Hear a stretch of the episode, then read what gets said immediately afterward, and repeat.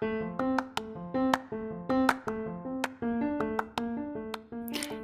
og velkommen til en ny episode av Spareglede. Jeg heter Anne Berit Grostad, og jeg driver altså en konto på Instagram som heter Spareglede. Og denne podkasten, da. Jeg er 33 år, jeg er gift, jeg er mor til to unger på 8 og 11 år.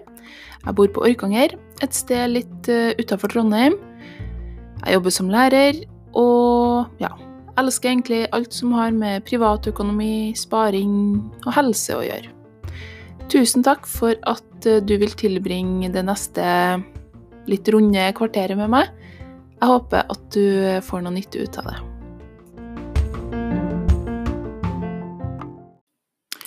I snakkende stund, ja, det er vel 11. april i dag, så er det fortsatt unntakstilstand i Norge.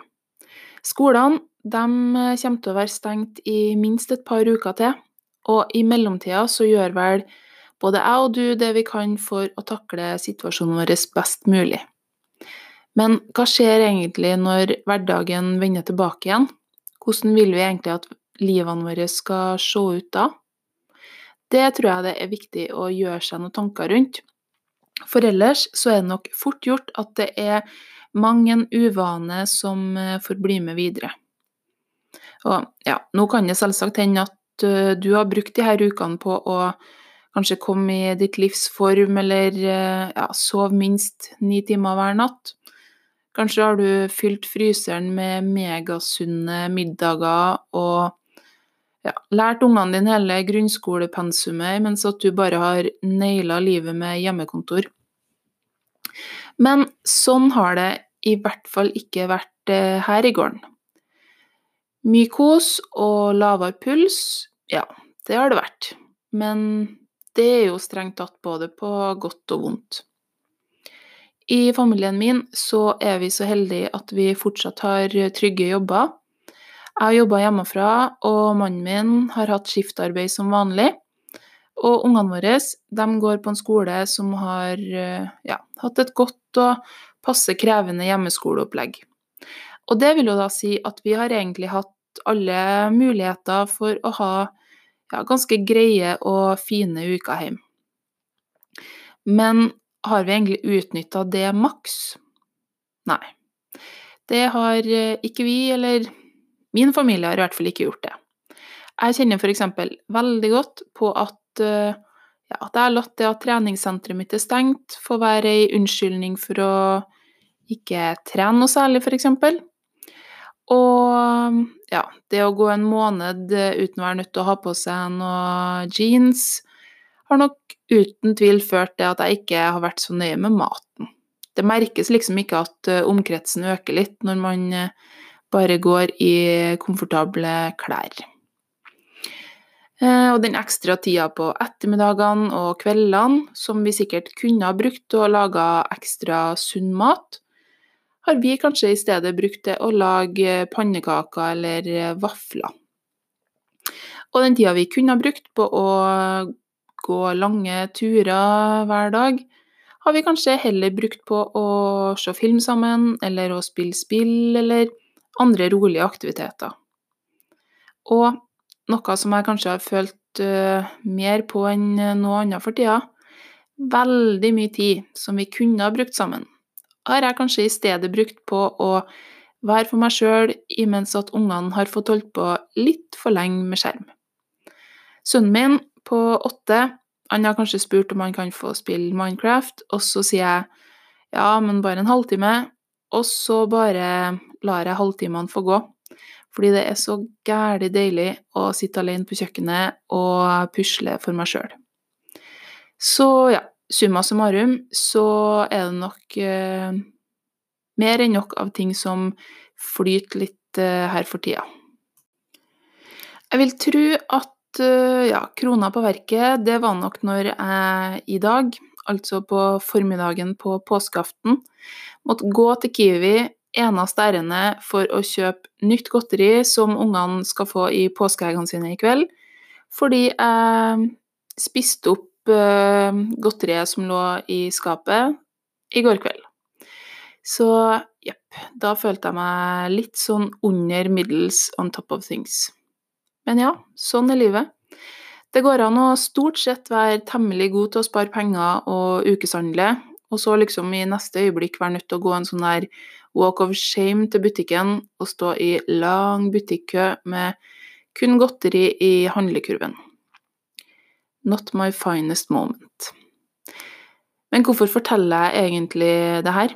Jeg gikk meg kanskje litt vill nå, kjenner jeg, men jo, poenget mitt, eller det jeg tenkte å etter hvert komme inn på i hvert fall, det var litt det her med hvordan vi vil at livene våre egentlig skal være. Og det der med godteriet, det var på en måte bare et eksempel på hvordan ting kan gå litt nedover og på skrå innimellom. Og så er liksom kunsten å akseptere de her grøftene. Jeg er ikke så god på det sjøl. Det har jeg snakka litt om før òg, både i podkasten og på Instagram og i, bo, i denne e-boka mi. Eh, at jeg har nok hatt litt for vane å egentlig gå diagonalt ifra den ene grøfta til den andre. Når det gjelder økonomi, så har jeg blitt temmelig god på å klare å holde meg på veien.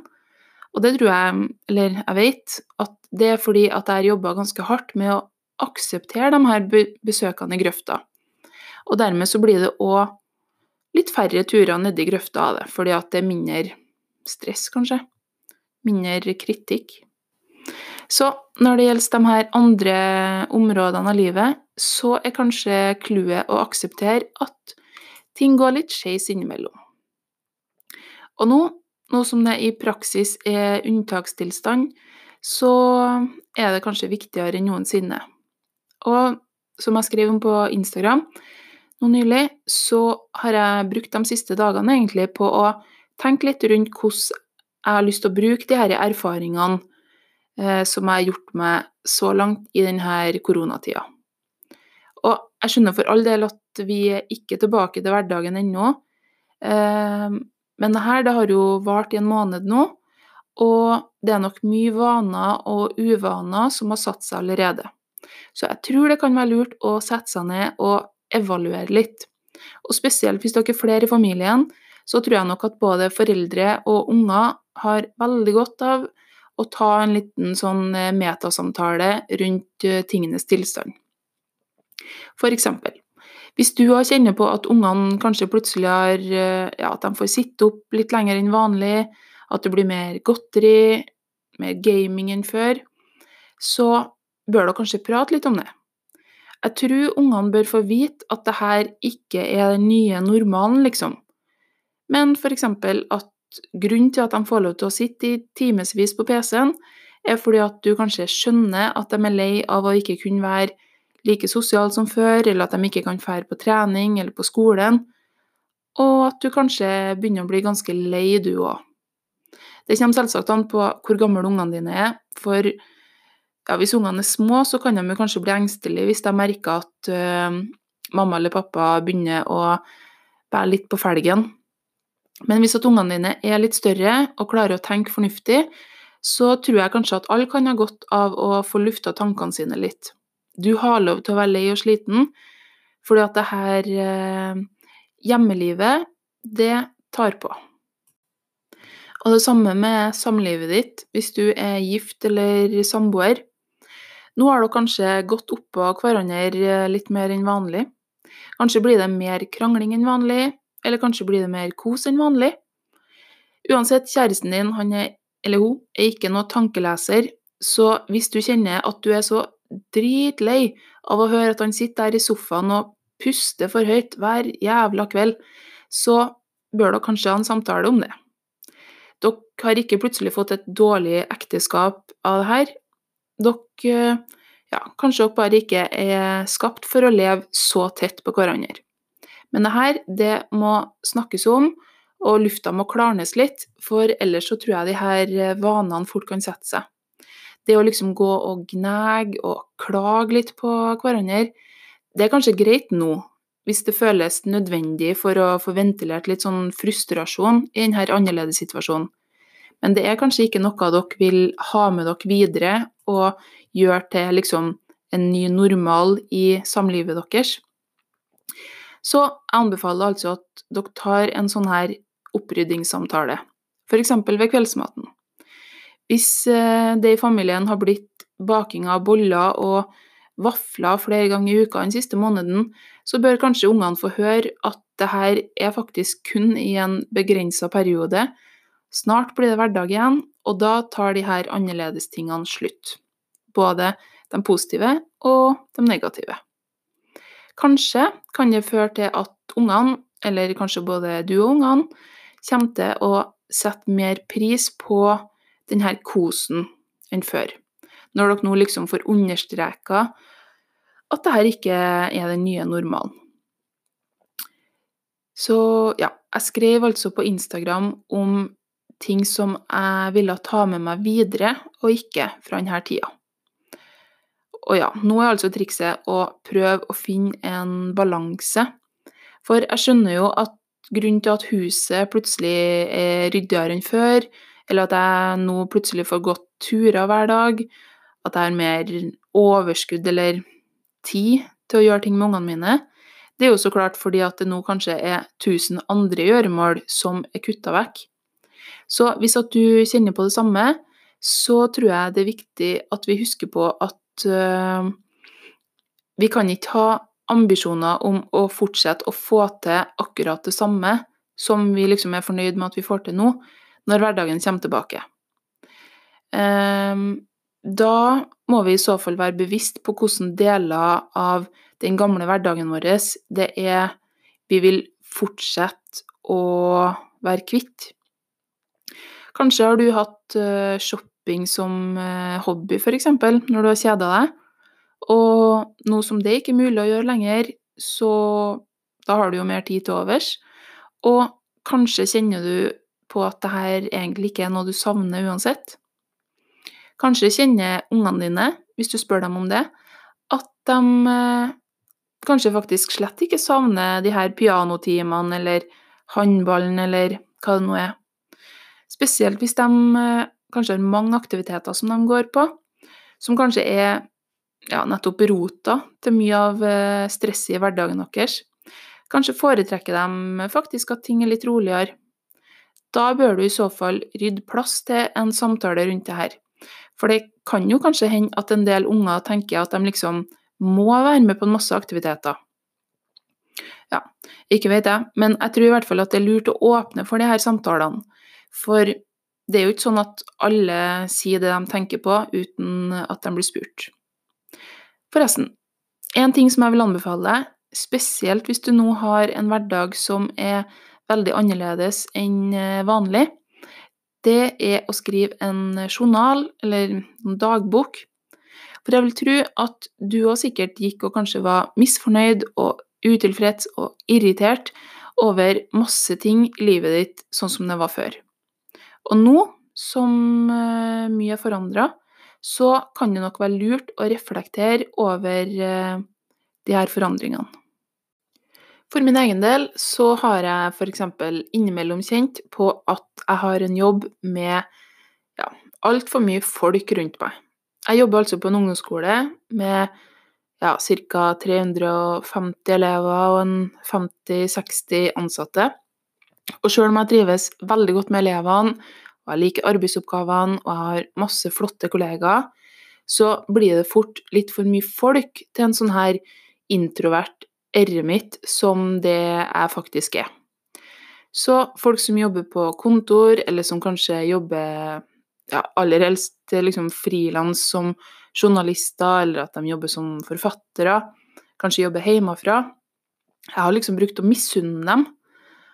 At de liksom kan styre dagene sine litt som de vil, og at de får være mye mer ja, uforstyrra i sitt eget hode, på en måte. Men shit, not anymore. Jeg er virkelig ikke laga for hjemmekontor. For hvis det her skulle ha blitt permanent, da, ja, da måtte jeg i hvert fall hatt noen form for tidslås på kjøleskapet. For det var en distraksjon jeg ikke helt hadde regna inn. Og kombinert med at antall skritt mellom det her liksom provisoriske hjemmekontoret og kjøkkenet, det er temmelig mange færre enn de skrittene som jeg går i et stort skolebygg. Så det her, det er ikke helt bra, kjenner jeg. Så ja. I min journal står det altså litt om hvordan det her hjemmelivet ikke var så idyllisk som jeg kanskje hadde sett for meg. Og at eh, jeg har absolutt grunn til å føle meg takknemlig over å kunne være med kollegaene mine når jeg kommer tilbake på jobb.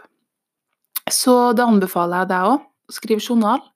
Gjerne litt punktvis, både med ting du er takknemlig for, ting du savner, ting du vil forandre på, osv. Jeg tror vi kan lære mye om oss sjøl hvis vi bare er litt våken og bevisst på oss sjøl i denne annerledestida. Eh, for nå så er liksom alt så avkledd. Jeg tror ikke at vi ja, verken bør dømme oss sjøl, eller hvordan eh, vi er som kjærester eller foreldre, ut fra hvordan vi er akkurat nå. For vi, eller jeg kan jo egentlig bare snakke for meg sjøl, da. Jeg kjenner godt på at jeg liksom ikke er helt på mitt beste akkurat nå.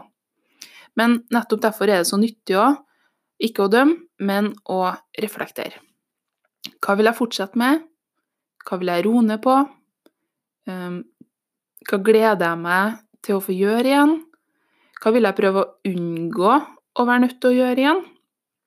Og ta som sagt gjerne en felles runde med familien òg.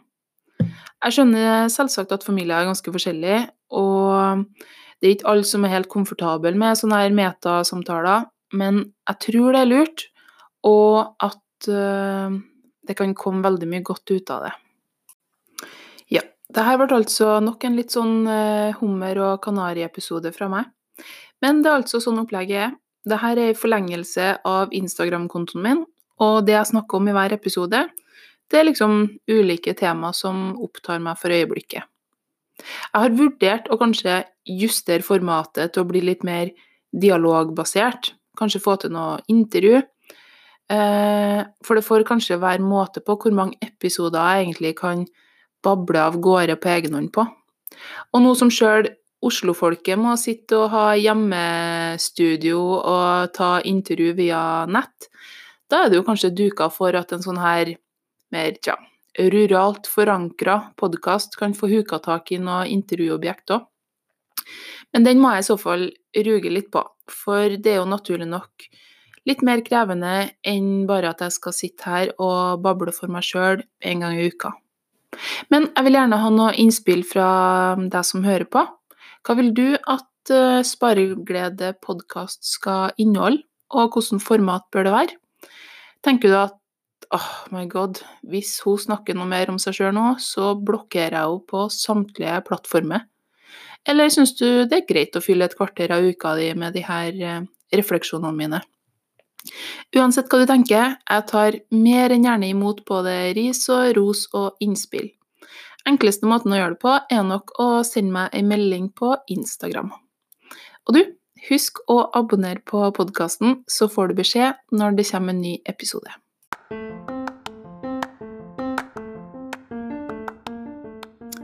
Så da håper jeg at du får ei fin uke, og at uh, at du får lært litt om deg sjøl og livet ditt gjennom de her eh, tankeøvelsene. Vi snakkes om ei uke. Ha det bra så lenge.